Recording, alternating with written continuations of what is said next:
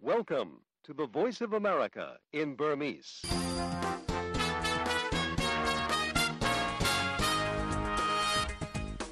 မင်္ဂလာညချမ်းပါရှင်။ VOA American အသံရဲ့2024ခုနှစ်ဖေဖော်ဝါရီလ18ရက်တနင်္ဂနွေညချမ်း VOA မြန်မာပိုင်းအစီအစဉ်တွေကို American ပြည်ထောင်စု Washington DC ကနေစတင်ထုတ်လွှင့်နေပါပြီရှင်။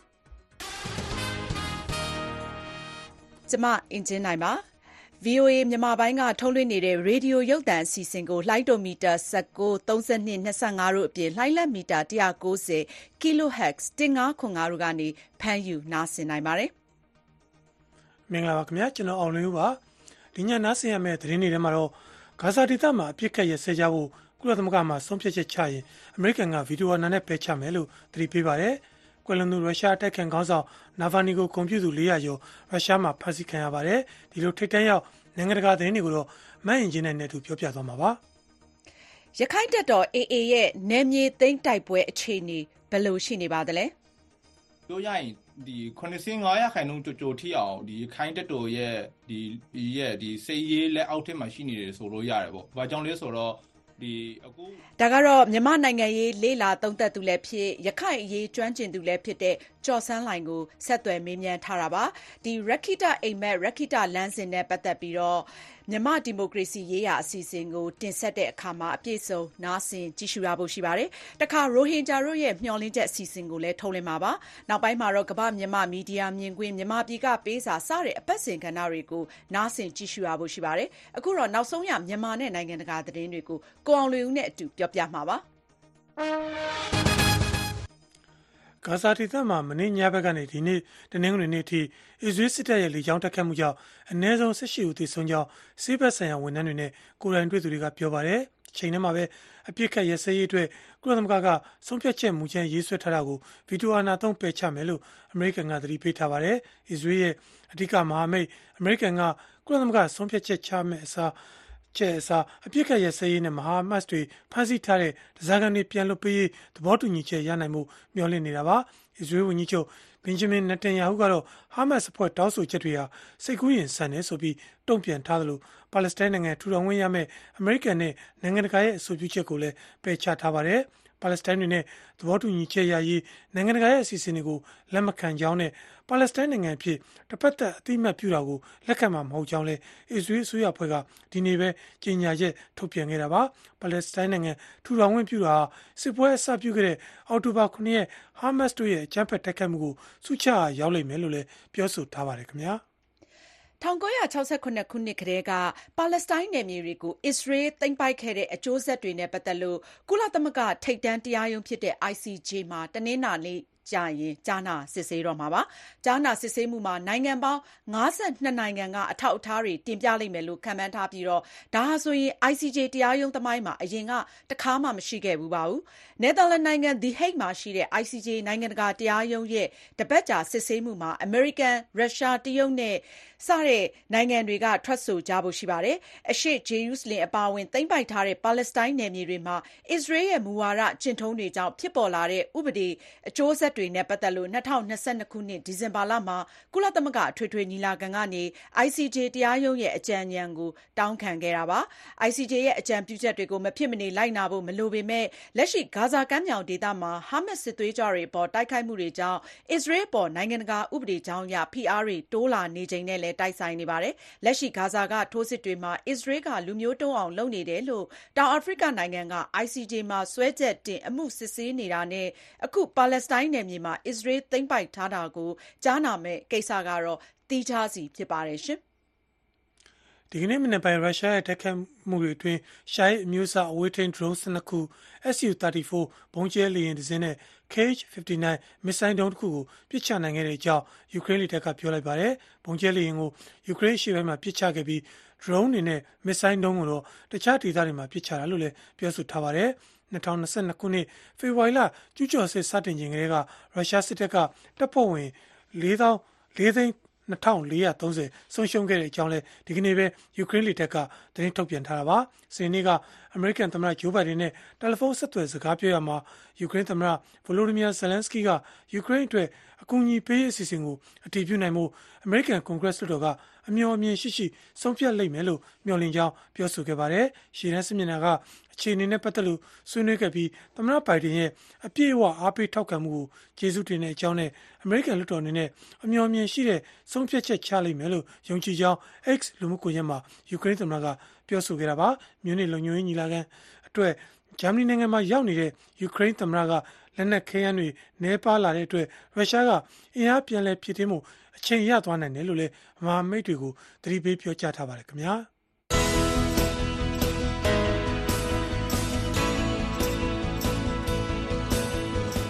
VOA American တန်ညဘက်မြန်မာဘာသာအစီအစဉ်တွေကိုညပိုင်း9:00နာရီကနေ10:00နာရီထိလိုင်းဒိုမီတာ19 kHz 15553ညလိုင်းဒိုမီတာ25 kHz 11803ညလိုင်းဒိုမီတာ32 kHz 9335တို့ဖြင့်စနေတနင်္ဂနွေမှာလိုင်းလံမီတာ190 kHz 1505ကနေပြီးတော့ထုတ်လွှင့်ပေးနေပါတယ်ရှင်။ VOA American အသံမြန်မာပိုင်းစီစဉ်ရဲ့ တနင်္ဂနွေနေ့ညဘက်သတင်းတွေကိုနားဆင်နေရတာဖြစ်ပါတယ်။အကျဉ်းထောင်တွင်သေဆုံးသွားခဲ့တဲ့ရုရှားတိုက်ခံခေါင်းဆောင်အလက်ဆီနာဗာနီအတွက်ဝမ်းနည်းခြင်းအထိမ်းအမှတ်ကျင်းပခဲ့ကြသူလူပေါင်း400ကျော်ရုရှားမှာဖမ်းဆီးခံရတဲ့အကြောင်း လူ့ခွင့်ရေးလှုပ်ရှားမှုဖွဲ့တစ်ခုကပြောလိုက်ပါတယ်။ရုရှားသမ္မတဗလာဒီမီယာပူတင်ကိုအပြင်းထန်ဝေဖန်သူအတိုက်ခံခေါင်းဆောင်ကိုမျှော်လင့်နေသူတွေအတွက်တော့အသက်48နှစ်အရွယ်မှာထောင်တွင်းရုတ်တရက်သေဆုံးသွားတဲ့အတွက်တုန်လှုပ်စရာဖြစ်ခဲ့ရတာပါ။ကွယ်လွန်သူရုရှားတိုက်ခံခေါင်းဆောင်ကိုအမတ်တရကွန်ပျူတာအခမ်းအနားတွေအောက်မေ့ပွဲအထိမ်းအမှတ်တွေနဲ့နိုင်ငံရေးအရာဖိနှိပ်ခံရသူတွေအတွက်ရည်စူးပြီးပန်းတွေမိထွန်းပွဲတွေကိုရုရှားနိုင်ငံကမြို့တွေမှာ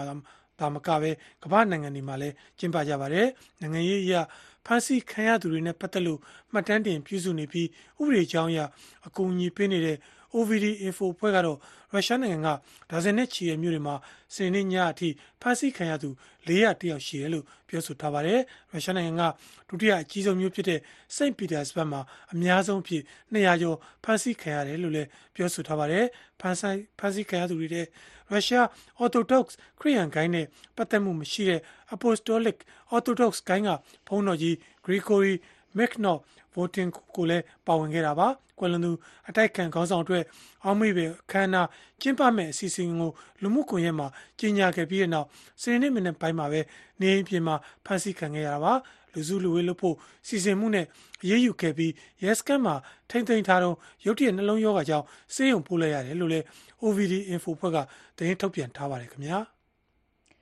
ထိုင်ဝမ်ပိုင်ကင်မင်ကျွန်းစု ကမ်းလွန်ပင်လယ်ပြင်မှာ ပိုင်နက်ကျူးကျော်လာတယ်ဆိုတဲ့ တရုတ်သင်္ဘောကို ထိုင်ဝမ်ကမ်းခြေစောင့်တပ်တွေက လိုက်ဖမ်းရာမှာ တရုတ်ငါးဖမ်းသမားနှစ်ဦး ရေနစ်သေဆုံးခဲ့ပြီးနှစ်ရက်အကြာ အဲဒီပင်လယ်ပြင်တဝိုက်မှာ တရုတ်ရေတပ်က တိုးမြှင့်ကင်းလှည့်သွားမယ်လို့ ပြောလိုက်ပါတယ်။ကင်မင်ကျွန်းစုတွေနဲ့ ကီလိုမီတာအနည်းငယ်ပဲကွာဝေးတဲ့ တရုတ်နိုင်ငံဇီမန်းမြို့တောင်ဘက် ကမ်းရိုးတန်း ပင်လယ်ပြင်ရေပိုင်နက်တဝိုက်မှာ ရေကြောင်းဆိုင်ရာ ဥပဒေတွေကို လိုက်နာဖို့ တရုတ်ကမ်းခြေစောင့်တပ်ဖူကျင်းဌာနခွဲကနေ ပုံမှန်စောင့်ကြည့်သွားမယ်လို့ တရုတ်တာဝန်ရှိသူတွေကပြောပါတယ်။ထိုင်ဝမ်နဲ့ တရုတ်နိုင်ငံတွေက ငါးဖမ်းသင်္ဘောတွေဟာ အဲဒီ ပင်လယ်ပြင်တဝိုက်မှာ ပုံမှန်သွားလာနေကြတာပါ။ထိုင်ဝမ်ကျွန်းထက် တရုတ်နိုင်ငံနဲ့ ပိုပြီးနီးစပ်တဲ့ ရေပြင်မှာ တရုတ်နိုင်ငံက သွားလာလှုပ်ရှားမှုတွေများပေမဲ့ငါးဖမ်းသမားနှစ်ဦး ရေနစ်သေဆုံးတာမျိုးကတော့ ဖြစ်လေ့ဖြစ်ထမရှိပါဘူး။တရုတ်အစိုးရကတော့ ထိုင်ဝမ်ကျွန်းဟာ တရုတ်နိုင်ငံ တစိတ်တပိုင်းအဖြစ်သာ သဘောထားနေတာ ဖြစ်ပါတယ်။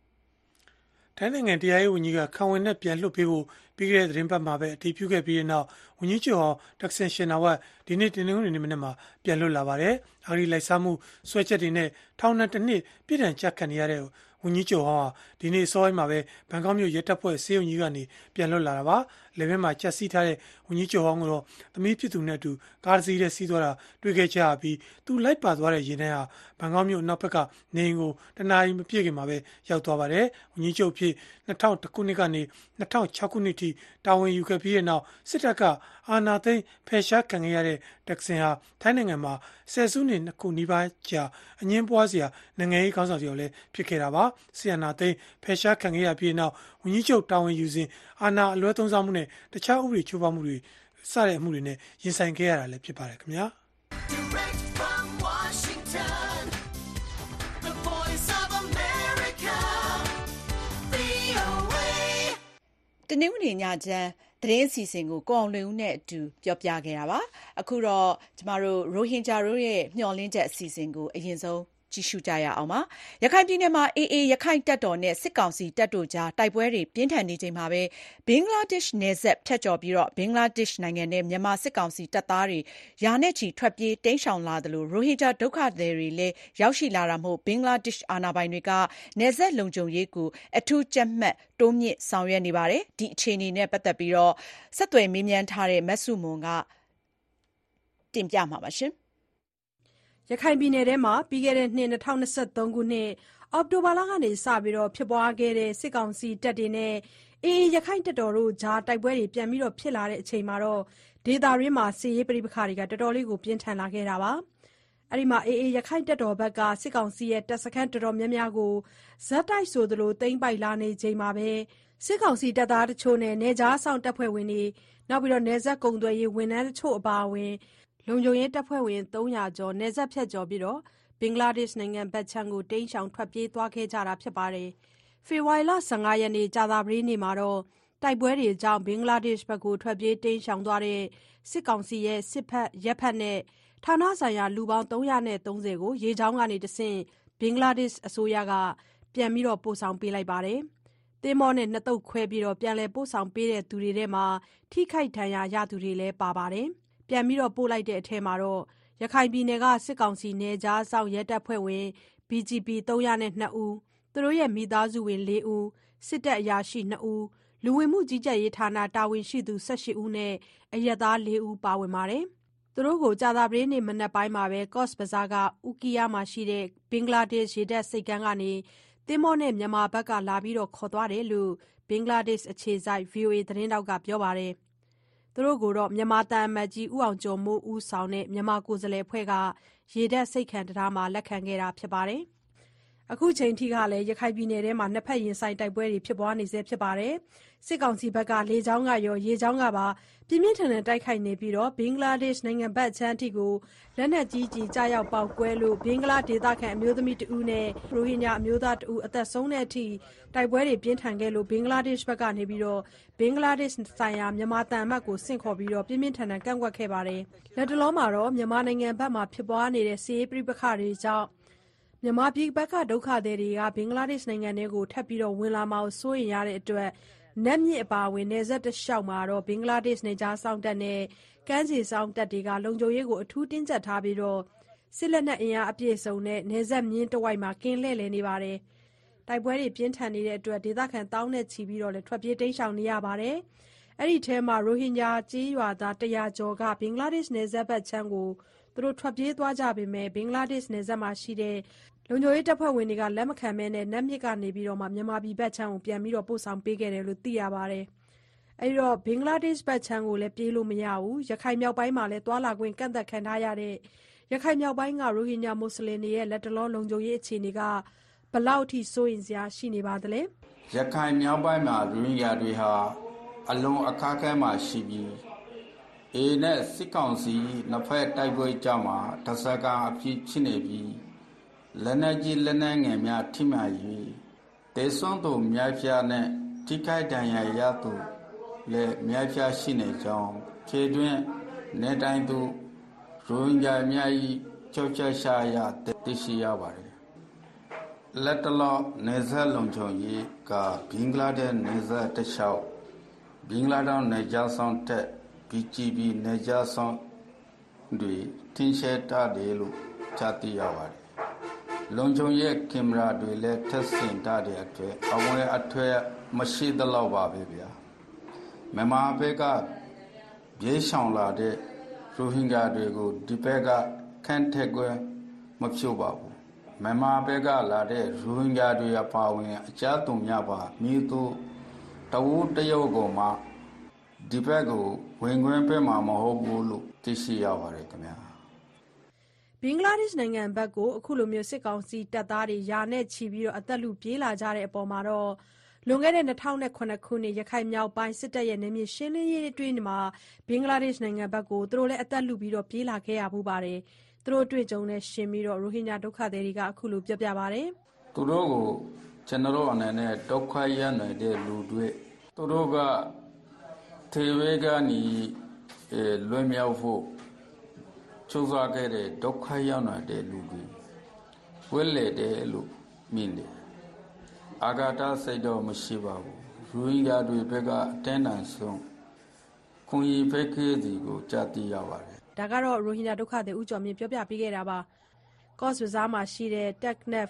ကဒိုးစိတ်အနားမှာတော့နက်မြစ်ကနေဖြတ်ပြီးတော့ကူးလာတဲ့သူတွေကိုမြန်မာပြည်ဘက်ကိုပြန်ပြီးတော့ဘင်္ဂလားဒေ့ရှ်ကမ်းခြေစောင့်တပ်ဖွဲ့ကပို့ခဲ့ပါတယ်လက်နက်အပြည့်ကင်ဆောင်ထားတဲ့နေကြားစောင့်တပ်တွေအပါအဝင် စစ်ကောင်စီတပ်သားတွေ အစုလိုက်အပြုံလိုက် ရောက်လာတဲ့အတွက်နေဆက်တစ်လျှောက်မှာလည်း သူတို့ဘက်က လက်နက်အပြည့်အစုံကင်ဆောင်ပြီးတော့အထူးတက်လှန့်ထားရတယ်လို့ Teknaf စခန်းကံရိုးရန်ဆောင်တက်ရဲ့ အကြီးအကဲ ဒုတိယတပ်မှူးမဂျစ်ကပြောပါတယ် ရိုဟင်ဂျာဒုက္ခသည် ကိုအောင်မြိုင် ပြောပြတာကတော့ မြန်မာဘက်ကဟိုနေရှာဆောင်ရေးတပွဲဝင်တွေဟိုဘင်္ဂလားဘက်ကိုဟို ပြေးဝင်လာတဲ့ဟာနဲ့ ပတ်သက်ပြီးတော့ ပြောရမယ်ဆိုလို့ရှိရင် ဒါက ဟိုသူတို့ကဒီမှာဘင်္ဂလားဒေ့ရှ်နိုင်ငံရဲ့ဟိုနေရှာဆောင်တက်စီကိုပဲသူတို့လာပြီးတော့ကိုလိုလာရှိတယ်အဲဒါဆိုဟိုနှစ်နိုင်ငံအရှင်းရှင်းပေါ့နော်အဲသူတို့နေဆက်ဆိုင်တာသူတို့ငကူကတဲ့ကနေသူတို့ကထိတွေ့ဆက်ဆံမှုတွေရှိတယ်ပြီးတော့အပြန်အလဲနှစ်နိုင်ငံလန်တင်ဆရာဝတ်တွေလောက်တာရှိတယ်အဲဒါကသူတို့ချစ်ချစ်ရင်းနှီးမှုရင်းနှီးမှုတော့ရှိတာပေါ့ဗျာ အဲဒါကြောင့်မလို့သူတို့ကိုကုလုံခွင့်ပေးတာရှိတယ်ပြီးတော့အစိုးရဘက်ကလည်းအဲသူတို့နဲ့ပฏิပက္ခလည်းမရှိဘူးပြဿနာလည်းမရှိဘူးဒီလူပေါ့ပေါ့ပေါ့နော်ဒါကြောင့်မလို့သူတို့ကုလုံခွင့်ပေးထားတယ်အဲအဲ့ဒါကြောင့်မလို့ဒါကဟိုအစိုးရဘက်ကအဲသူတို့ကိုဟိုနိုင်ငံတကာစီမင်းစည်းကမ်းဥပဒေနဲ့အညီသူတို့ကိုဟိုကုလုံခွင့်ပေးထားတယ်ပြီးတော့စာဝတ်နေရစင်ပြန်အောင် ဟိုချမ်းမာရေးစေကူမှုတွေလေးလုပ်ပေးတာရှိတယ်ဒါကသူတို့အစိုးရရဲ့ကဏ္ဍပေါ့ဗျာစီရေးတင်းမာလာနေတဲ့အချိန်မှာပဲစစ်ကောင်စီဘက်ကလေကြောင်းကနေပါတရဇက်တိုက်ခိုက်နေတာကြောင့်လုံခြုံရေးအထူးစိုးရိမ်ရတဲ့အတွက်စစ်တွေမြို့မှာရှိတဲ့ဘင်္ဂလားဒေ့ရှ်ကောင်စစ်ဝင်ရုံးကတန်ယုံဝန်ထမ်းတွေကရန်ကုန်ကိုပြောင်းရွှေ့ဖို့စီစဉ်ခဲ့ပါတယ်။အခုလိုမျိုးဘင်္ဂလားဒေ့ရှ်နဲ့မြန်မာနှစ်နိုင်ငံနယ်စပ်မှာလူသေဆုံးတဲ့အထိလက်နက်ကြီးပစ်ခတ်မှုတွေနဲ့အန္တရာယ်တွေတော်တော်လေးကြီးနေတာကြောင့် ဒုက္ခသည်စခန်းတွေရဲ့နောက်ပြီးတော့နယ်စပ်မျဉ်းတစ်လျှောက်မှာ လုံခြုံရေးကအထူးတင်းကျပ်ထားတာကြောင့် ရခိုင်မြောက်ပိုင်းမှာရှိတဲ့ ရိုဟင်ဂျာတွေရော ဘင်္ဂလားဒေ့ရှ်ဘက်က ဒုက္ခသည်စခန်းမှာရှိတဲ့ ရိုဟင်ဂျာဒုက္ခသည်တွေရဲ့ လုံခြုံရေးစိုးရိမ်မှုကတော့မြင့်တက်လာနေတဲ့အချိန်ဖြစ်ပါတယ်ရှင်။ဒါကတော့ရိုဟင်ဂျာတို့ရဲ့ မျှော်လင့်ချက်အစီအစဉ်ကနေမက်ဆုမွန်ကတင်ဆက်သွားတာပါ။အခုတော့ မြန်မာ့ဒီမိုကရေစီရေးရာအစီအစဉ်ကို နားဆင်ကြည့်ရှုဖို့ အချိန်ရောက်ပါပြီ။ ရခိုင်ပြည်မှာ စစ်ကောင်စီတပ်တွေ အကြီးအကျယ် အထိနာနေချိန် ရက္ခိုင့်တပ်တော် AA ရဲ့ နယ်မြေသိမ်းနိုင်တဲ့ အခြေအနေဟာ ၇၅ ရာခိုင်နှုန်းထိ ရှိနေပြီလို့ မြန်မာ့နိုင်ငံရေး လေ့လာသုံးသပ်သူလည်းဖြစ်၊ရခိုင်အရေး ကျွမ်းကျင်သူလည်းဖြစ်တဲ့ ကျော်ဆန်းလှိုင်က VOA ကို ပြောပါတယ်။တိုင်းရင်းသား လူမျိုးစုပေါင်းစုံ လွတ်မြောက်ရေးနဲ့ ပေါင်းစပ်မယ့် ရက္ခိတလမ်းစဉ် ဆိုတာကရော ဘာပါလဲ။ အမေရိကန် ဟာဝိုင်ယီတက္ကသိုလ် အာရှလေ့လာရေးဌာနမှာ ဘွဲ့လွန်ပညာသင်ကြားနေတဲ့ ကျော်ဆန်းလှိုင်ကို Zoom ကနေ ဆက်သွယ်မေးမြန်းထားပါတယ်။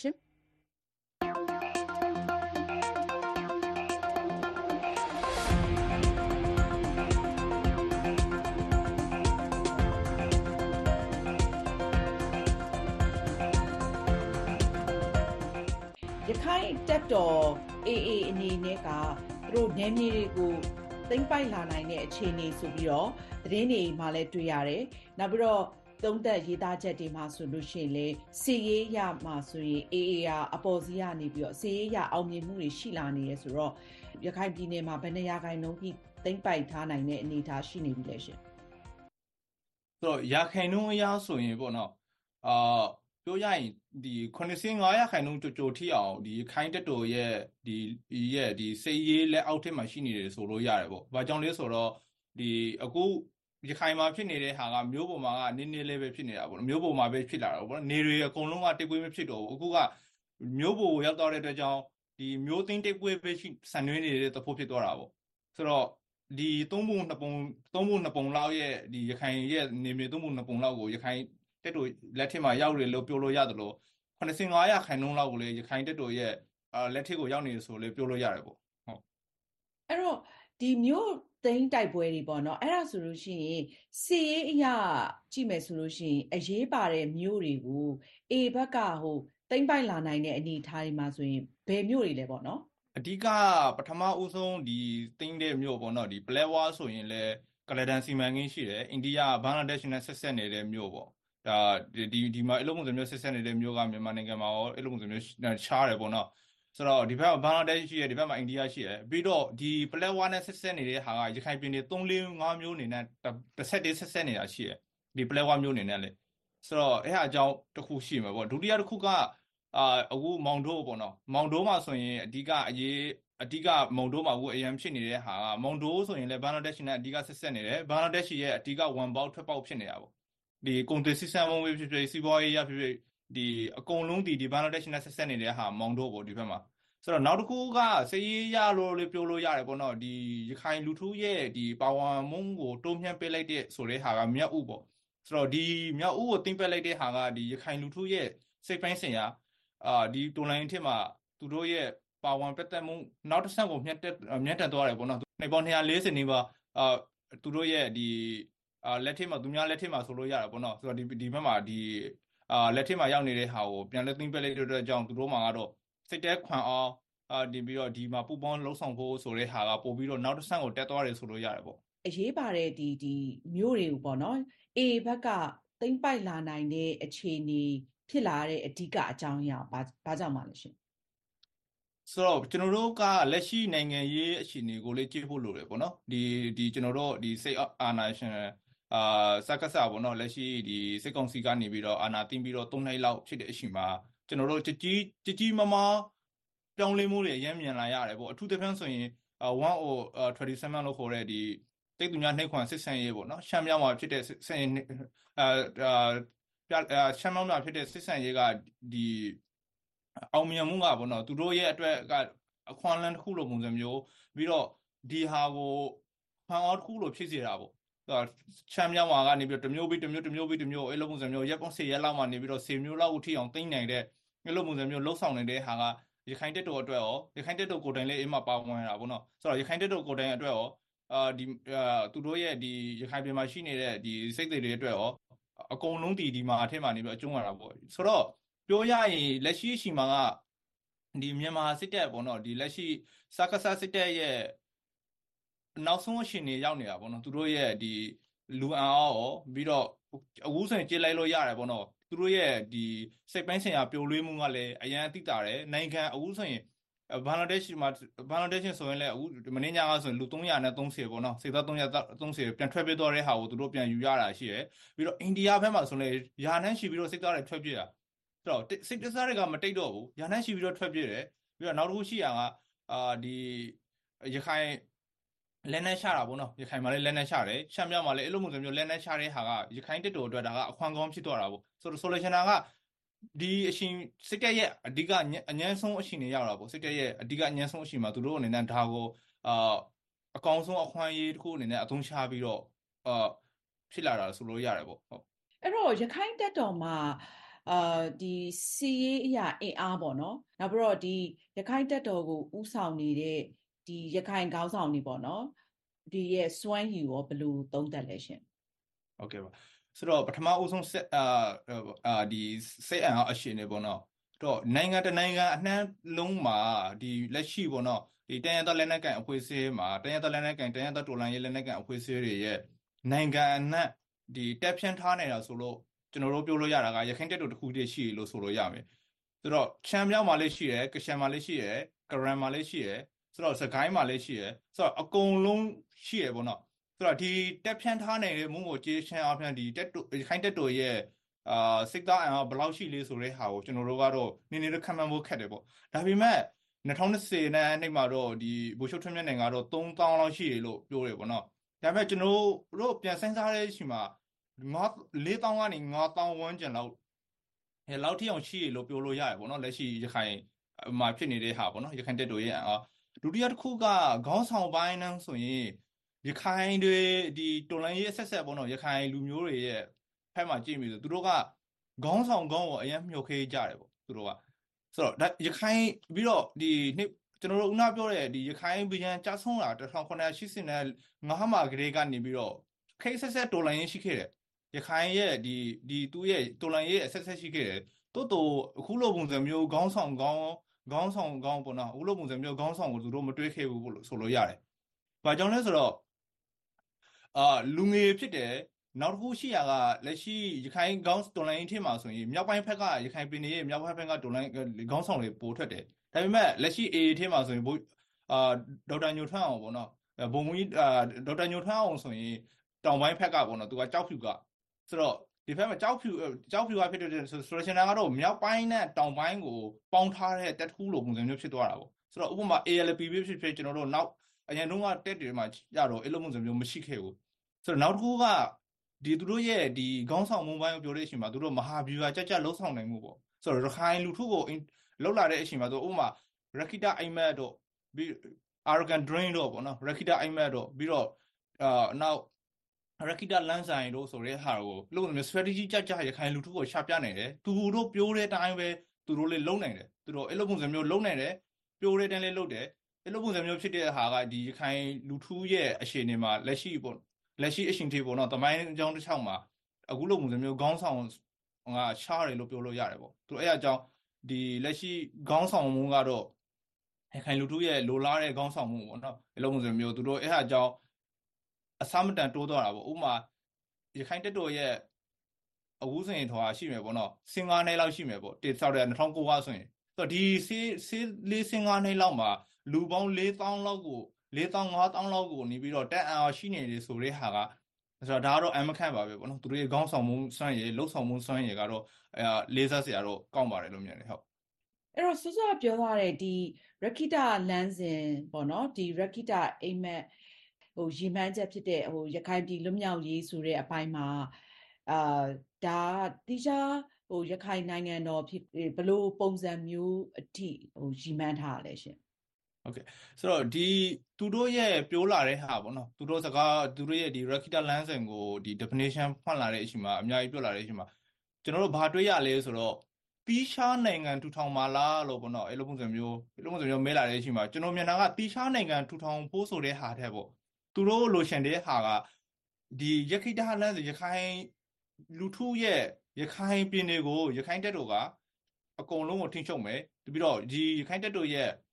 ပါတီဖြစ်တဲ့ဒီရခိုင် ULA ပေါ့နော် ULA ကအုပ်ချုပ်မယ်ရခိုင်လူမျိုးတွေကရခိုင်ပြည်နယ်ကိုအုပ်ချုပ်မယ်ဆိုတော့အဲ့လိုပုံစံမျိုးကိုပိုင်းအုပ်ချုပ်ခွန့်ပေါ့နော်အဲ့လိုပုံစံမျိုးကိုသူတို့ကအဓိကသွားတာပေါ့အခုဆိုရင်လည်းသူတို့တိတ်တယ်မင်းအာသူကဘိုလ်ချုပ်ထွန်းမြတ်နိုင်ကိုတိုင်ကလည်းပြောထားရှိတယ်ငါတို့လဲလဲရေးကိုမကြင်ညာဘူးပေါ့ ဆိုတော့ကျွန်တော်အဲ့လိုပုံစံမျိုးမြင်တယ်သူကသူတို့လို့ရှင်တဲ့နိုင်ငံရေးကအာရခိုင်ပြည်တလုံးကိုသူတို့အနေနဲ့ရအောင်တိတ်မယ်ပြီးတော့အုပ်ချုပ်ရေးရင်တယောက်ကိုသူတို့ကိုယ်တိုင်စီမံမယ်လှုံ့ဆော်မယ်ပြီးတော့နောက်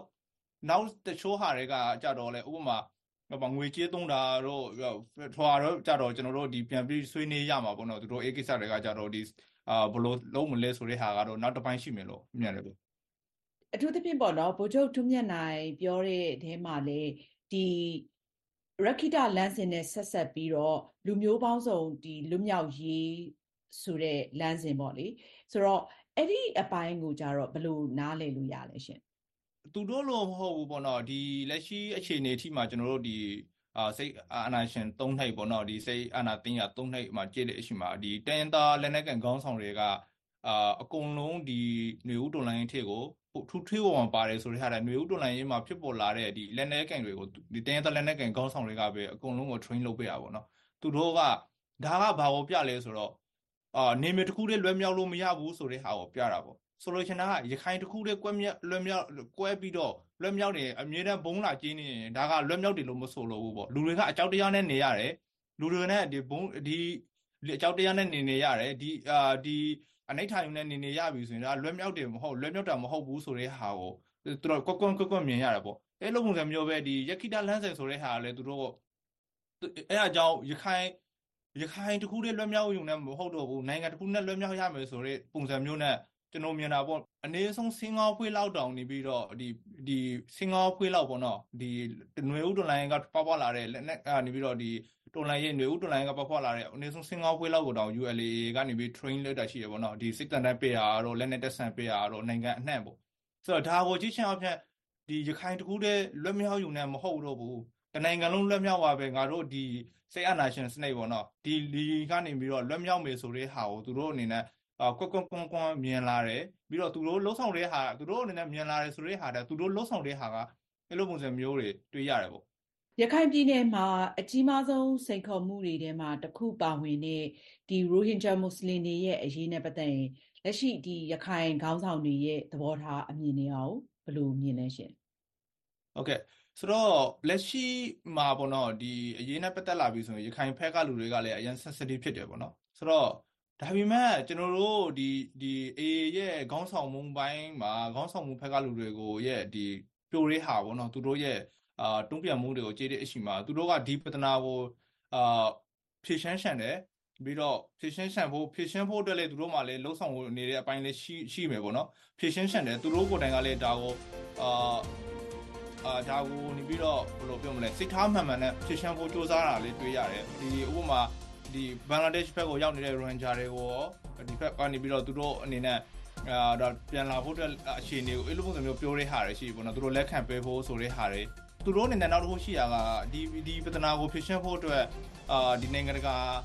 အဖွဲ့အစည်းတွေကိုလည်းသူတို့နဲ့ပူးပေါင်းဆောင်ရွက်ဖို့ပြောထားတာတွေလည်းတွေ့ရတယ်ပေါ့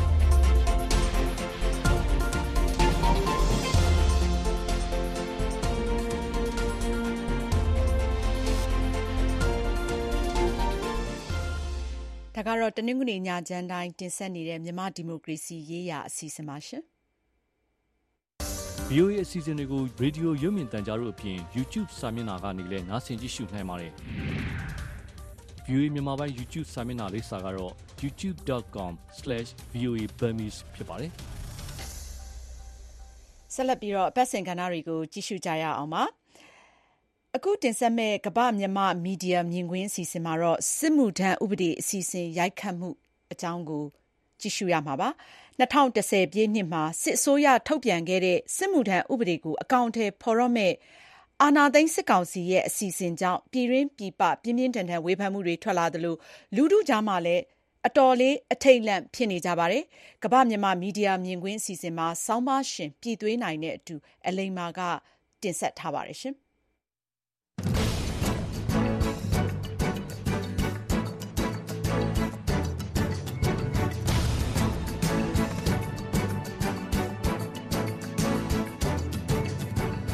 အားလုံးပဲမင်္ဂလာပါခင်ဗျာ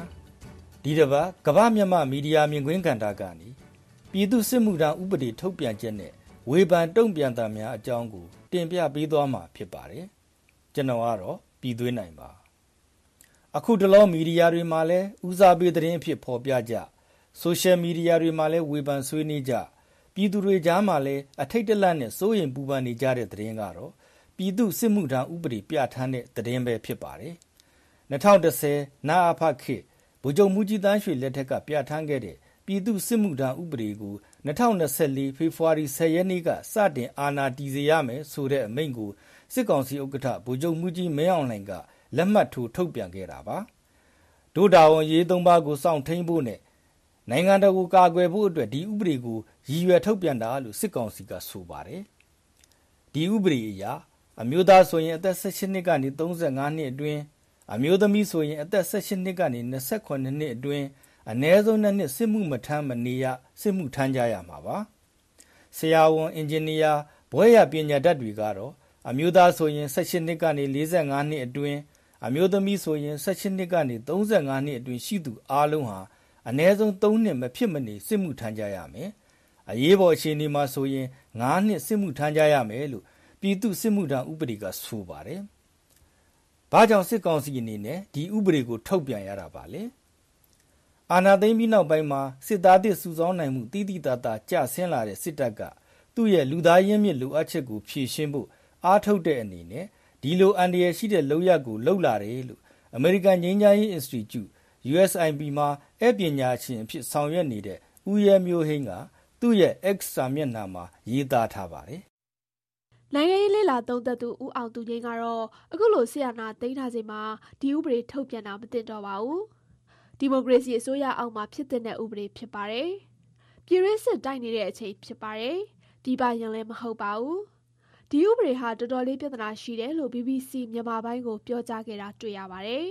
နိုင်ငံရေးလေလာသုံးသက်သူတွေ အများစုကတော့ စစ်တပ်ဟာ တိုက်ပွဲတွေမှာကြာဆုံးသူတွေ များလာသလို လက်နက်ချသူတွေဗတ်ပြောင်းသူတွေလည်း များလာပါတယ်။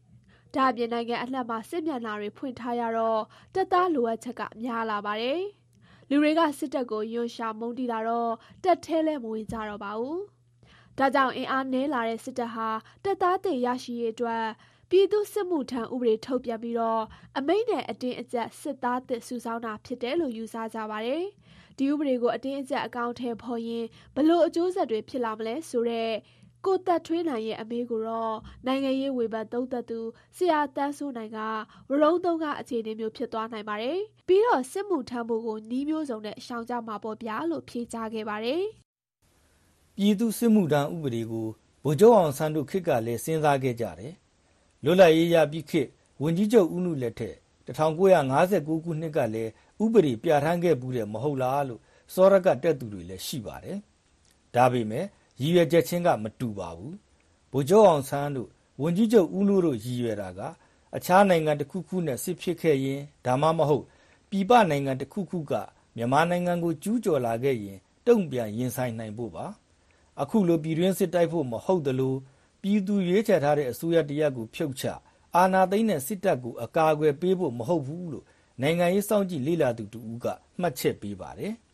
။ New York Times သတင်းစာကြီးကတော့ အခုထုတ်ပြန်လိုက်တဲ့ ပြည်သူ့စစ်မှုထမ်းဥပဒေဟာ လက်နက်တွေ ထုတ်ပေးပြီး စစ်တိုက်ခိုင်းဖို့တဲ့လက်နက်ခဲယမ်းတွေ ရိတ်ခါတွေတည်ခိုင်းဖို့ ပေါ်တာတွေအဖြစ်သုံးဖို့ ဖြစ်နိုင်တယ်။မြန်မာစစ်တပ်ဟာ အရင်ကလည်း ပေါ်တာဆွဲပြီး ပေါ်တာတွေကို မိုင်းထောင်ထားတဲ့နေရာ ခြုံခိုတိုက်ခိုက်နိုင်တဲ့ နေရာတွေမှာ ရှေ့ကနေတွားခိုင်းခဲ့တဲ့ သမိုင်းတွေ ရှိခဲ့တယ်။အခုလည်း ပြည်သူစစ်မှုထမ်းဥပဒေရဆင့်ခေါ်သူတွေကို စစ်မြေပြင်မှာ တိုက်ပွဲတွေမှာ လူသားတိုင်းအဖြစ် အသုံးပြုနိုင်တယ်လို့ စစ်တပ်ကို ဝေဖန်သူတွေက ပြောတဲ့အကြောင်း ဖေဖော်ဝါရီ23ရက်နေ့က ဖော်ပြတဲ့ ဆောင်းပါးတစ်ပုဒ်မှာ ရေးသားထားပါတယ်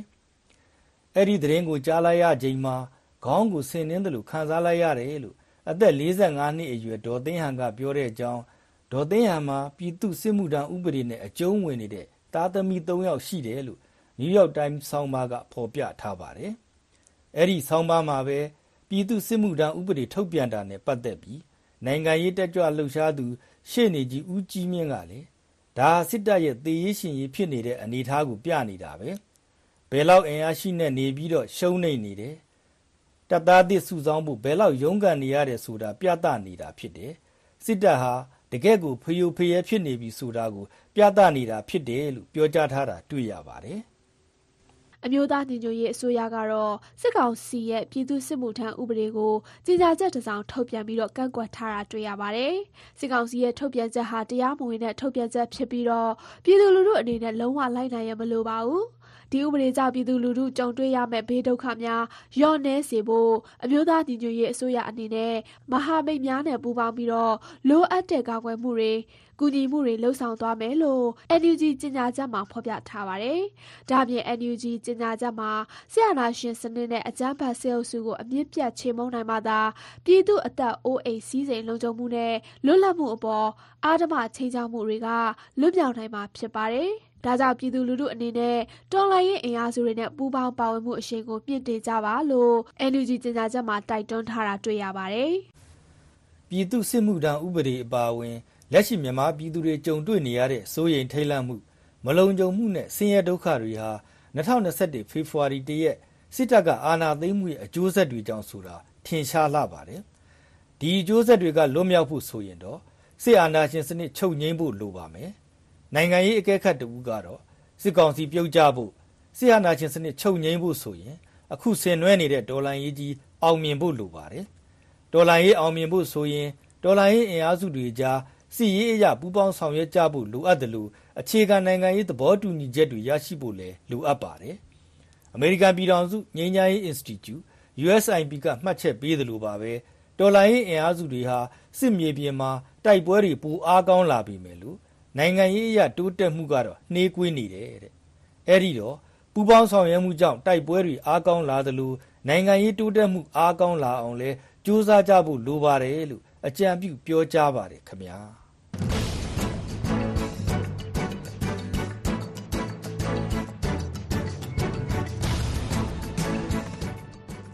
ကတော့ ကမ္ဘာ့မြန်မာ့မီဒီယာမြင်ကွင်း အစီအစဉ်ကို ဆောင်းပါးရှင် ပြည်သွေးနိုင်နဲ့အတူ အလိမ္မာက တင်ဆက်ခဲ့တာပါ။အခုဆက်လက်ထုတ်လွှင့်မယ့် ISP မြန်မာမြင်ကွင်းကျယ် မှတ်စု အစီအစဉ်မှာလည်း ပြည်သူ့စစ်မှုထမ်းဥပဒေ ဘာကြောင့် စစ်ကောင်စီက အသက်သွင်းလိုက်သလဲဆိုတာနဲ့ ပတ်သက်လို့ ကြားကြရမှာပါ။ တပ်ဖွဲ့ဝင်အင်အားပြုံးတီးလာတဲ့ စစ်ကောင်စီက အခုလထဲမှာ ပြည်သူ့စစ်မှုထမ်းဥပဒေကို အာဏာတည်ကြောင်း အမိန့်ထုတ်လာပါတယ်။အဲ့ဒီအကြောင်းအရာနဲ့ ပတ်သက်လို့ ISP မြန်မာရဲ့ ဒီတပတ် မြင်ကွင်းကျယ် မှတ်စုမှာ အချက်လက် အခြေပြု ပိုင်းခြား ဖော်ပြထားပါတယ်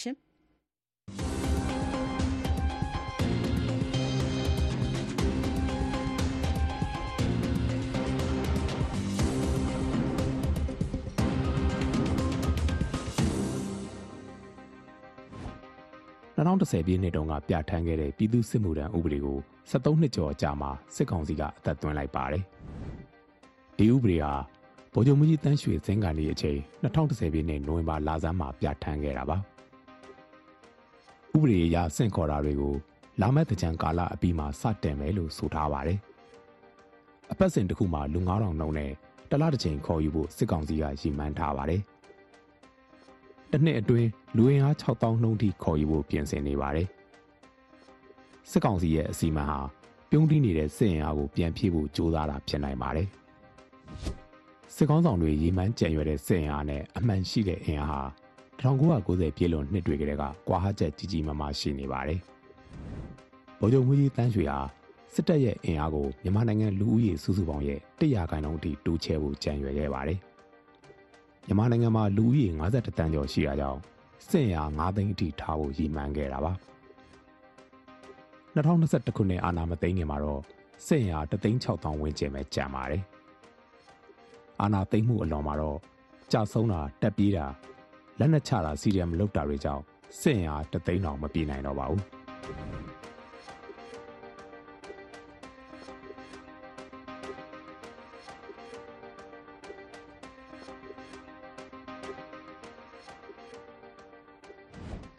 တရင်တပ်ဖွဲ့ဖွဲ့စည်းပုံတွေရာထားချက်မပြည့်မီတော့ပဲဇက်တိုက်ကြဆင်းလာတာကိုလည်း ISP မြန်မာရဲ့သူတေသနာလေးလာမှုတွေအရတွေ့ရပါတယ်။စစ်တပ်ဟာတိုက်ခိုက်ရေးတရင်တရင်ကိုအင်အား920ကနေ950အထိဖြည့်တင်းမှုရထားပါတယ်။ဒါပေမဲ့အဲ့ဒီရာထားချက်ပြည့်မီအောင်ဘယ်ချိန်လုံးကမှမဖြည့်ဆည်းနိုင်ခဲ့ပါဘူး။1990ပြည့်နှစ်တွေကတရင်တစ်ခုမှာအင်အား600ကျော်ရှိခဲ့ပေမဲ့အခုနှစ်ဇူလိုင်လမှာ132ဦးဝန်းကျင်သာကျန်ရှိပါတော့တယ်။ စစ်စင်ရေးတစ်တုံညာနှစ်ခွန်ကာလအတွင်းကုန်းကျမ်းမှာလက်နက်ချခဲ့တဲ့ခလာရ125မှာဆိုရင်တပ်ဖွဲ့ဝင်အင်အား63ဦးပဲရှိပါတယ်။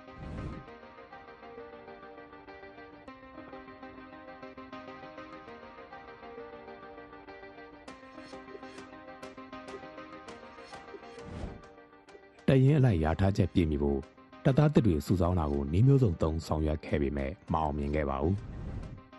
တနစ်ကိုတပ်သားသစ်9600ဝန်းကျင်စုနိုင်မှုရထားတာကိုလေ့လာမှုတွေအရသိရပါတယ်။2020ပြည့်နှစ်မတိုင်ခင်အထိတလမှာတပ်သားသစ်1000ဝန်းကျင်ပဲစုနိုင်ခဲ့ပါတယ်။အဲ့ဒီစုဆောင်းမှုတွေမှာတပ်ပြေးသူကလည်းတလ400ဝန်းကျင်ပုံမှန်ရှိနေခဲ့တာပါ။အတဲ့စုဆောင်းနိုင်တာကတစ်နှစ်စာမျှော်မှန်းချက်ရဲ့9.5ရာခိုင်နှုန်းပဲရှိပါတယ်။အဲ့ဒီလိုအခြေအနေတွေမှာပြည်သူ့စစ်မှုထမ်းဥပဒေကိုအသက်သွင်းလိုက်တာပါ။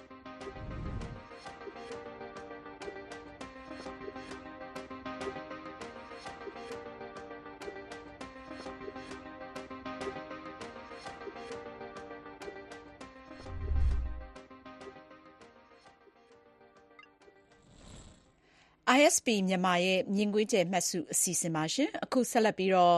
မအေးတန္တာကျော်ရဲ့ မြန်မာပြည်ကပေးစာ အစီအစဉ်ကို နားဆင်ကြည့်ရှုကြရအောင်ပါ။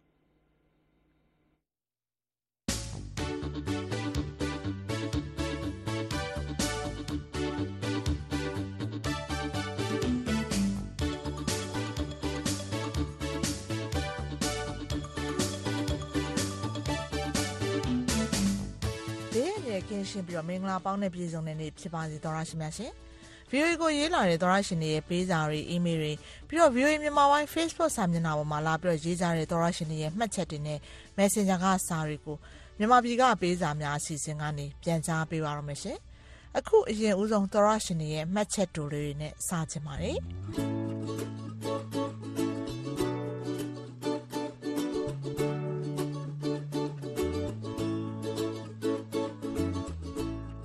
မြင့်ဆိုတဲ့သောရရှင်ကစာတူတူလေးရေးလာပါတယ်။ Messenger ကနေစာရေးလာတာအမြဲတမ်းထောင်မြစ်တာရွှေရတုမကပါတဲ့။ဟုတ်ကဲ့ပါရှင်။ကျေးဇူးအထူးပါနော်။ဘေးကင်းကျန်းမာပါစေလို့ဆုတောင်းပေးပါရစေ။အခုတော့ဒီတလောမြန်မာပြည်သူတရက်လုံးရင်ပူစိတ်တော့ကအကြီးကျယ်ရောက်နေရတဲ့ကိစ္စတစ်ခုနဲ့ပတ်သက်ပြီးတော့သောရရှင်တွေကိုပိုင်ထင်မြင်ယူဆချက်တွေရေးလာတဲ့စာတွေကိုဖော်ပြပေးသွားပါမယ် လူလူတရက်လုံးရင်ပူနေတယ်ဆိုတော့သောရရှင်တွေသိလောက်ပြီးထင်ပါတယ်နော်ဟုတ်ပါတယ်မြန်မာနိုင်ငံမှာနိုင်ငံသားတွေမဖြစ်မနေစစ်မှုထမ်းရမယ်ဆိုတဲ့ကိစ္စပါဒီမှာသောရရှင်တယောက်ကငရဲပြည်မှာပေးစာ sorry မြန်မာပြည်မှာပေးစာဆိုတော့မြန်မာပြည်ကိုငရဲပြည်နဲ့တင်စားပြီးရေးလာတဲ့စာကိုဖော်ပြပေးခြင်းပါတယ်ကျွန်တော်ကဘာမှသုံးစားလို့မရတော့တဲ့သတို့မဟာသတိသူတို့မှအောင်ပဒန်းပါမင်္ဂလာပါ VOA လို့နှုတ်ခွန်းဆက်တာဖို့လဲအာရင်ကုန်ခန်းနေပါပြီ ဘာလို့အာရင်ကုန်ခန်းနေလဲဆိုတော့ကုံစင်းနှုံးကမိဘဂျေဇူးမြင့်မှုတောင်ထက်ကြီးမားနေလို့ပါစစ်မှုမထမ်းမနေရဆိုတဲ့ဥပဒေအကြောင်းနဲ့ပတ်သက်ပြီးတော့ကျွန်တော်ရဲ့သဘောထားကို VOA ကတဆင့်စစ်ကောင်စီကိုပြောပြပေးပါကျွန်တော်ကစစ်မှုလဲထမ်းကျင်ပါတယ်စစ်ထဲလဲဝင်ကျင်ပါတယ်ဗိုလ်ချုပ်မှုကြီးယာရူးကိုတခါတည်းရမယ်ဆိုရင်ပေါ့လေကျေးဇူးတင်ပါတယ် VOA ဝိုင်းတော်သူဝိုင်းတော်သားအားလုံးကျမ်းမာနေကောင်းကြပါစေမြန်မာပြည်ကြီးလည်းအမြန်ငြိမ်းချမ်းပါစေဗျာ ပေးစုနဲ့ပြေးကြပါစေနော်ဟုတ်ကဲ့သူတို့မဟာသီရိသူဓမ္မအောင်မတန်းရှင်ဘိုးချုပ်မှုကြီးရာတို့ရပြီဆိုရင်လည်းစာရေးပြီးတော့ပြောပြပါအောင်လို့မှားချင်ပါတယ်နော်နောက်ထပ်သောရရှင်ပခုတ်ကူကကိုမျိုးကတော့စာမရေးဖြစ်တာလဲကြာပေါ့ကျွန်တော် VOA ကိုတော့အမြဲလိုလိုနားထောင်ဖြစ်နေပါတယ်အခုလဲအိတ်မပျော်လို့မြန်မာနိုင်ငံရဲ့လက်တလောအလှုပ်ခတ်ဆုံးစစ်မှုမထမ်းမနေရဥပဒေပြဋ္ဌာန်းချက်ဆိုတာကြီးအပေါ်ဘလို့မှလက်သင့်ခံနိုင်စရာမရှိတဲ့အတွက်ရင်ဖွင့်ရတဲ့သဘောပါဗျာ အမှောင်မိုက်ဆုံးညတွေကိုဖျက်ဆီးနေရတယ်လို့ အော် မြန်မာပြည်မှာ လူဖြစ်ရတဲ့ဒုက္ခရဲ့အစင်းရဲဆုံးအကြောင်းတရားတွေကို ပြောလို့တောင် ကုန်နိုင်ပွဲရမရှိတော့ပါဘူးဗျာ ခုတော့လဲမျော်လင့်ရှင်တန်ခြင်းမှာ လွတ်လပ်မျှတတဲ့ဘဝရဲ့အတိတ်ပဲရှိခြင်းတွေကသာ အမြန်ဆုံးရရှိနိုင်ပါစေလို့ ဆုတောင်းရင်း VOA ဝိုင်းတော်သားအားလုံးလည်း ပျော်ရွှင်ချမ်းမြေ့ကြပါစေခင်ဗျာပကောက်ကူက ကိုမျိုးဖြစ်ပါတယ် ဒီသောရရှင်က အမောင်မိုက်ဆုံးညတွေကို ဖြတ်တန်းနေရပါတယ်ဆိုလို့ မမြဲတဲ့နေရာမှာသဘောတရားရဆိုရင်တော့အမောင်ဆိုတာလည်းအမြဲတမ်းရေရှည်တည်တတ်မဲ့အရာမဟုတ်ပါဘူးเนาะအမောင်လွင်တော့အသေးကြတာအမောင်လွင်ရင်ရောင်နေလာပြီးတော့အလင်းရမှာဖြစ်ပါတယ်เนาะ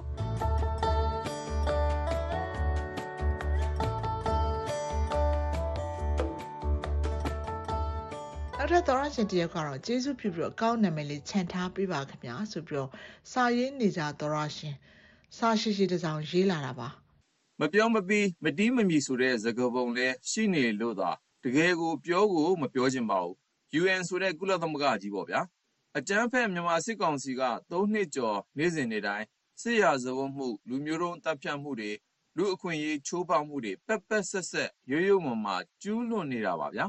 ဗီဒီယိုမှတ်တမ်းတွေဂျိုဒူးဓာတ်ပုံတွေ အခင်းဖြစ်ရာ ဒေသခံ မျက်မြင်ထွက်ဆိုချက်တွေ သက်သေအချက်လက် အများကြီးလည်း ရှိနေတာပါဗျာ အဲ့ဒီလို အခြေအနေကိုတော့မှ R2B လည်း အခုထိ ဝင်မလာပါဘူး ကိုကတာဝန်မခံ တာဝန်မယူလှစ်လျူရှုပြီး တာဝန်မဲ့လုပ်နေလို့ နိုင်ငံတကာ ရာဇဝတ်ခုံရုံး ICC ကို လွှဲပေးလားဆိုတော့လေအခုထိ လွှဲမပေးသေးပါဘူး အတော်လေးတော့ ခက်နေပါပြီဗျာ အဲ့ဒီလို UN က တာဝန်မကြေလို့လေအကြမ်းဖက် မြန်မာစစ်တပ်က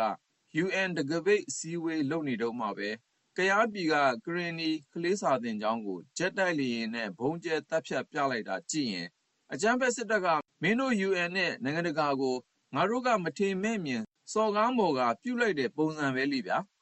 UN အစည်းအဝေးတိုင်းမှာ မြန်မာပြည်သူတွေ ခံစားနေရတဲ့ စစ်ရာဇဝတ်မှု လူမျိုးတုံးတပ်ဖြတ်မှု လူအခွင့်အရေး ချိုးဖောက်ခံရမှု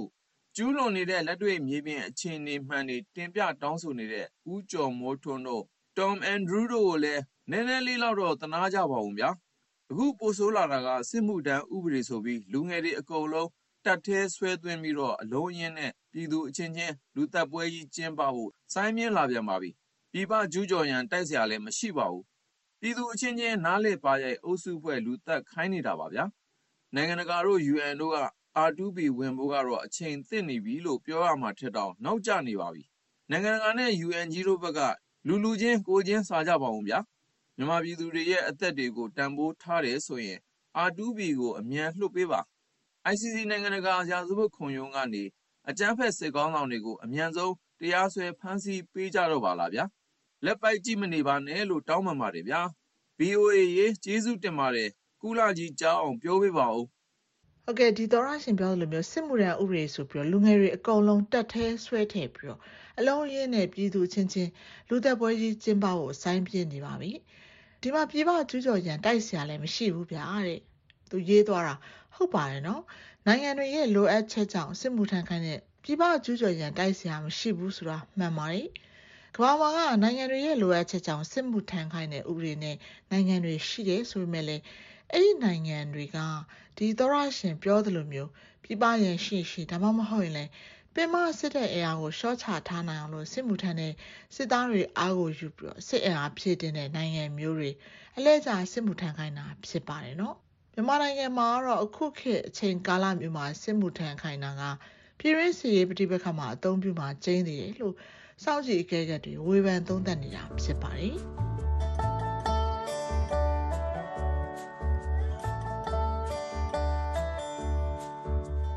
ရရှင်တွေရဲ့ရင်ဖွင့်စာတွေကိုဆက်ပြီးတော့ဖော်ပြပေးချင်ပါတယ်။တိုက်ပွဲတွေပြင်းထန်နေတဲ့ရခိုင်နဲ့ချင်း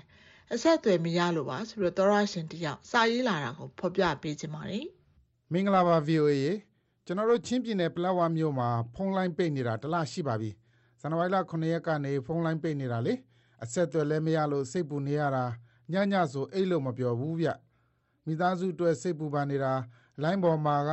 စကားဆစခန်းအေးအေးသိမ့်ပိုက်တာကြားတယ်ဖုန်းလိုင်းကတော့မဖွင့်သေးဘူးကျွန်တော်မိမနဲ့သမီးနှစ်ယောက်အတွက်စိတ်ပူလို့ VOA ကနေတဆင့်အေးအေးခေါင်းဆောင်တွေကိုဖုန်းလိုင်းဖွင့်ပေးပါလို့တောင်းဆိုချင်ပါတယ်ကျေးဇူးတင်ပါတယ် VOA ဒီတော်ရရှင်ကတော့ပြီးခဲ့တဲ့နှစ်ပတ်လောက်ကရေးလာတဲ့စာဖြစ်တဲ့အတွက်ကြောင့်မလို့အခုစာဖော်ပြပေးတဲ့အချိန်မှာတော့အခြေအနေကပြောင်းလဲကောင်းပြောင်းလဲနိုင်ပါတယ်နော်ဒါပေမဲ့အခုလိုမျိုးစီရေးပြိပခဖြစ်ပြီးဆိုရင်ဂျားရဲကပြည်သူတွေအထိနာရတာမလို့အဝေးရောက်မိသားစုတွေလည်းအခုလိုမျိုးပူပန်နေကြရတာဖြစ်ပါတယ်သောရရှင်တွေရဲ့ပေးစာတွေကိုတော့ဒီတစ်ပတ်ဒီမှာနေရက်ချင်ပါတယ်ရှင်။သောရရှင်တွေအားလုံးပုံမကောင်းမွန်အဆင်ပြေတဲ့နေ့ရက်တွေအမြန်ဆုံးရောက်ရှိနိုင်ပါစေလို့ဆန္ဒပြုပါတယ်ရှင်။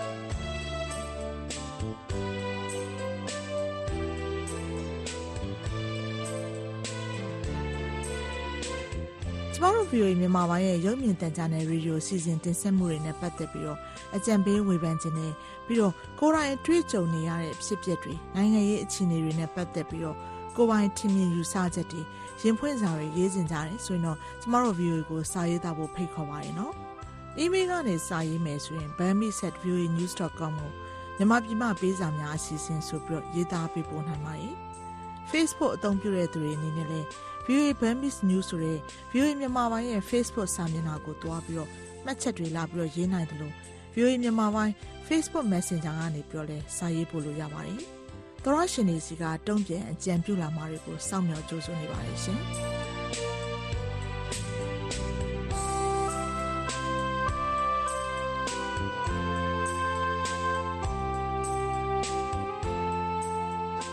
မြန်မာနိုင်ငံနဲ့နိုင်ငံတကာကရေးသားပေးပို့လာတဲ့ VOA မြန်မာပိုင်းသောရရှင်တွေရဲ့ဝေဖန်ကြံပေးစာတွေရင်ဖွင့်စာတွေနဲ့ဒေသချင်းတောင်းလွှာတွေကိုတနင်္ဂနွေနေ့ညပိုင်းနဲ့တနင်္လာနေ့မနက်ပိုင်းအချိန်တွေမှာမြန်မာပြည်ကပေးစာများအစီအစဉ်ကနေထုတ်လွှင့်တင်ဆက်ပေးနေပါတယ်။ရေဒီယိုကနေဖမ်းယူနားဆင်နိုင်တဲ့အပြင်ရုပ်မြင်သံကြားကနေပြီးတော့လည်းထုတ်လွှင့်ပေးနေသလို VOA မြန်မာပိုင်း Facebook စာမျက်နှာနဲ့ YouTube စာမျက်နှာတို့ကနေပြီးတော့လည်းထုတ်လွှင့်ခြင်းနဲ့တပြိုင်နက်တည်းတိုက်ရိုက်နားဆင်နိုင်ပါတယ်။ လွှင့်ထုတ်ပေးခဲ့ပြီးတဲ့အစီအစဉ်တွေကို Facebook နဲ့ YouTube ပေါ်မှာပြန်ပြီးတော့နားထောင်နိုင်သလို VOA Internet စာမျက်နှာနဲ့ဖုန်းပေါ်က VOA App ဒီမှာလည်းတွားပြီးတော့နားထောင်ကြည့်ရှုနိုင်ပါတယ်။ကျမတို့ရဲ့ VOA App နာမည်က VOA Burmese ဖြစ်ပါတယ်။ကျမတို့ရဲ့ Internet စာမျက်နှာလိပ်စာက burmese.voanews.com ဖြစ်ပါတယ်။ကျမအေးတနာကြပါ VOA ကိုလည်းစာရေးကြပါအောင်နော်။သောရရှင်တွေအားလုံးဘေးရန်တွေကင်းရှင်းရွှင်လန်းချမ်းမြေ့ကြပါစေရှင်။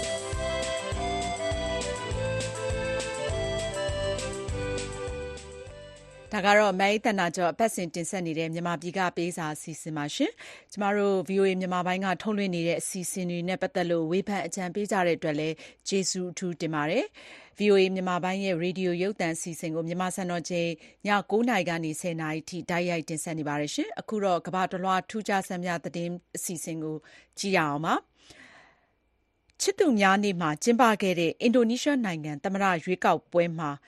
ဘာလီကျွန်းမှာရှိတဲ့ မဲရုံတခုဟာ အသဲပုံ ဘောလုံးပန်းရောင်တွေ၊ချောကလက်တွေ၊သကြားလုံးတွေနဲ့ မဲဆန္ဒရှင်တွေကို ကြိုဆိုခဲ့ကြပါတယ်။တခါ ပြင်သစ်နိုင်ငံသားတယောက်ဟာ အမြင့်ပေ ၂၃ ပေကျော်ရှိတဲ့ အီဖယ်မျှော်စင်ပုံစံတူတခုကို မီးခြစ်စံသစ်သားချောင်းလေးတွေနဲ့ တည်ဆောက်ပြီး Guinness ကမ္ဘာ့မှတ်တမ်းစံချိန်ချိုးလိုက်ပါတယ်။ဒီလို ကမ္ဘာတလွှား ထူးခြားဆန်းပြသတင်းတွေကို ကိုငြိမ်းချမ်းနဲ့အတူ မခင်ဖြူထွေးက ပြောပြမှာပါ။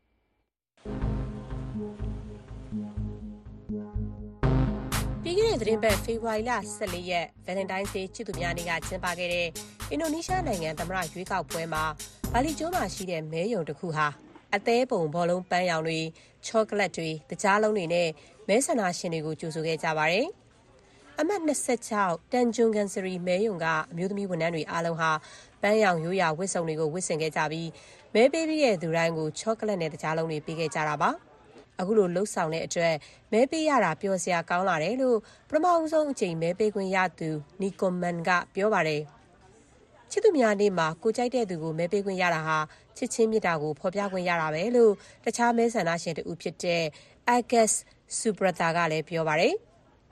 ကမ္ဘာတတိယအကြီးဆုံး ဒီမိုကရေစီနိုင်ငံဖြစ်တဲ့ အင်ဒိုနီးရှားနိုင်ငံမှာ လက်ရှိသမ္မတ ဂျိုကိုဝီဒိုဒိုနေရာကို ဆက်ခံမဲ့သူကို ရွေးနေတာဖြစ်ပြီး ကမ္ဘာအကြီးဆုံးနဲ့ အရှုပ်ထွေးဆုံး ရွေးကောက်ပွဲကို တရက်တည်းအပြီး ကျင်းပတာလည်း ဖြစ်ပါတယ်။အင်ဒိုနီးရှား လူဦးရေတန်း280ကျော်မှာ လူဦးရေတန်း200ကျော်လောက်က မဲပေးခွင့်ရှိတာလည်း ဖြစ်ပါတယ်ရှင်။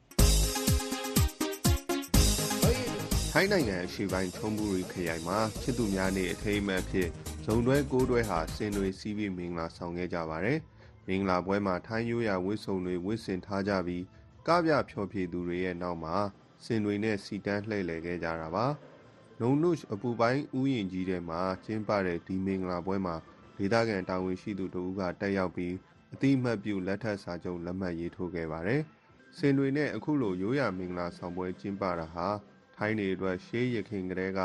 အမျက်တနိုးတန်ဖိုးထားတဲ့ထုံးတမ်းအစဉ်လာတစ်ခုဖြစ်တယ်လို့မင်္ဂလာဆောင်ခဲ့သူသတို့သမီးတို့ကပြောပါတယ်ခင်ဗျာက မ္ဘာတဝန်းနိုင်ငံပေါင်းစုံမှာ ပုံစံပေါင်းစုံနဲ့ ချစ်သူများနေ့ကို ဆင်နွှဲခဲ့ကြပေမဲ့လည်း အိန္ဒိယနိုင်ငံမှာတော့ ချစ်သူများနေ့ ကျင်းပတာကို အနောက်တိုင်းယဉ်ကျေးမှု လွှမ်းမိုးတယ်ဆိုပြီး ကန့်ကွက် ဆန္ဒပြကြသူတွေလည်း ရှိပါတယ်။အိန္ဒိယနိုင်ငံတောင်ပိုင်းဟိုက်ဒရာဘတ်မြို့မှာ ဟိန္ဒူ အမျိုးသားစစ်သွေးကြွအဖွဲ့ဝင်တွေက ချစ်သူများနေ့ အထိမ်းအမှတ် ကဒ်ပြားတွေကိုမိရှို့ ဆန္ဒပြခဲ့ကြပြီးတော့2019ခုနှစ်က အသေးခံကားပုံခွဲ အတိုက်ခိုက်ခံခဲ့ရတဲ့ကိစ္စကို သတိရ အောက်မေ့နေတာက ပိုကောင်းတယ်လို့ ပြောကြားခဲ့ကြပါတယ်။ ဖေဖော်ဝါရီလ14ရက်2019ခုနှစ်တုန်းကကက်ရှ်မီးယားဒေသမှာရှိတဲ့ရဲစခန်းတစ်ခုကိုစစ်သွေးကြွတအူကအသေးခံကားပုံခွဲတိုက်ခိုက်ခဲ့ပြီးအဲ့ဒီမှာရှိတဲ့ရဲအယောက်40တိစုံခဲ့ရပါတယ်။တစ်ချိန်တည်းမှာပဲအိန္ဒိယနိုင်ငံမြောက်ပိုင်းမှာရှိတဲ့နာမည်ကျော်အချစ်ရဲ့သင်္ကေတတစ်ခုဖြစ်တဲ့ Taj Mahal ဂူဗိမာန်ကြီးမှာတော့ချစ်သူများနေ့မှာလာရောက်လဲပတ်ကြတဲ့ဇုံတွဲတွေကဘာလက်ခီးသွားတွေနဲ့စီကားနေပါတယ်ရှင်။ ဒါကတော့ ထူးခြားဆန်းများကဘာသတင်းအစီအစဉ်ကို ကိုငိမ့်ချမ်းနဲ့ မခင်ဖြူတွေတင်ဆက်ခဲ့တာပါ အခုတော့ သတင်းချင်းချုပ်ကို ကိုအောင်လင်းက ပြောပြမှာပါရှင်။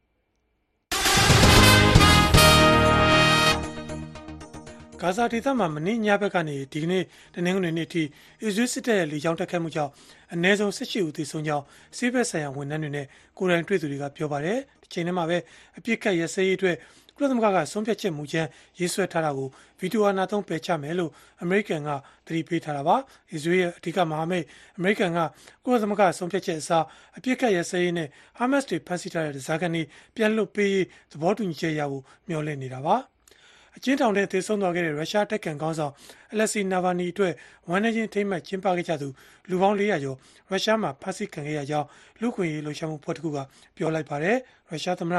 ဗလာဒီမီယာပူတင်ကိုအပြင်းထန်ဝေဖန်သူအတိုက်ကန်ခေါင်းဆောင်ကိုအမတ်တရကွန်ပျူတာအခမ်းအနားတွေအောက်မေ့ပွဲထိမ့်မှတ်တွေနဲ့နိုင်ငံရေးအရာဖိနှိပ်ခံရသူတွေအတွက်ရည်စူးပြီးပန်းတွေမိထုံးပွဲတွေကိုရုရှားနိုင်ငံကမြို့တွေမှာသာမကကမ္ဘာနိုင်ငံတွေမှာပါကျင်းပကြတာပါနိုင်ငံရေးအရာ ဖမ်းဆီးခံရသူတွေနဲ့ပတ်သက်လို့မှတ်တမ်းတွေပြုစုနေပြီးဥပဒေကြောင်းအရအကူအညီပေးနေတဲ့ OVD Info ဖွဲ့ကတော့ရုရှားနိုင်ငံကဒါဇင်နဲ့ချီတဲ့မြို့တွေမှာစနေနေ့ညထိဖမ်းဆီးခံရသူ400တယောက်ရှိတယ်လို့ပြောဆိုထားပါတယ်။ထိုင်းနိုင်ငံတရားရေးဝန်ကြီးကခံဝင်နဲ့ပြန်လွတ်ပေးဖို့ပြီးခဲ့တဲ့သတင်းပတ်မှာအတည်ပြုခဲ့ပြီးတဲ့နောက်ဝန်ကြီးချုပ်ဟောင်းတက်ဆင်ရှင်နာဝတ်ဒီကနေ့တင်းနှင်းနေမှာပဲပြန်လွတ်လာပါတယ်ခင်ဗျာ။ ကျေးဇူးတင်ပါတယ်ရှင်သတင်းချင်းချုပ်ကိုကိုအောင်လင်ဦးကပြောပြသွားတာပါဒီကနေ့ညပိုင်းအစီအစဉ်ထုတ်လုပ်ရေးမှုကတော့ကိုရန်နိုင်ပါရှင်အတန်ဖန်အင်ဂျင်နီယာကတော့ Helen Cordian ဖြစ်ပါတယ်ရုပ်သံအင်ဂျင်နီယာကတော့ Nashwan Kelly ဖြစ်ပါတယ်ရှင်။ VOA မြန်မာပိုင်းက ထုတ်လွှင့်တဲ့ အစီအစဉ်တွေကို နားဆင်ကြည့်ရှုအားပေးကြတဲ့ ကမ္ဘာတလွှားက သောရရှင်အားလုံးကို ကျေးဇူးအထူးတင်ပါတယ်။ဘေးအန္တရာယ်အသွယ်သွယ်ကနေ ကင်းဝေးကြပါစေရှင်။ကျမတို့ရဲ့ အစီအစဉ်တွေကို website စာမျက်နှာဖြစ်တဲ့ burmese.voanews.com မှာလည်း အချိန်မီနားဆင်ကြည့်ရှုနိုင်ကြပါတယ်ရှင်။ရှင်လန်းချမ်းမြေ့ကြပါစေ။ကျမ အင်ဂျင်နိုင်ပါ။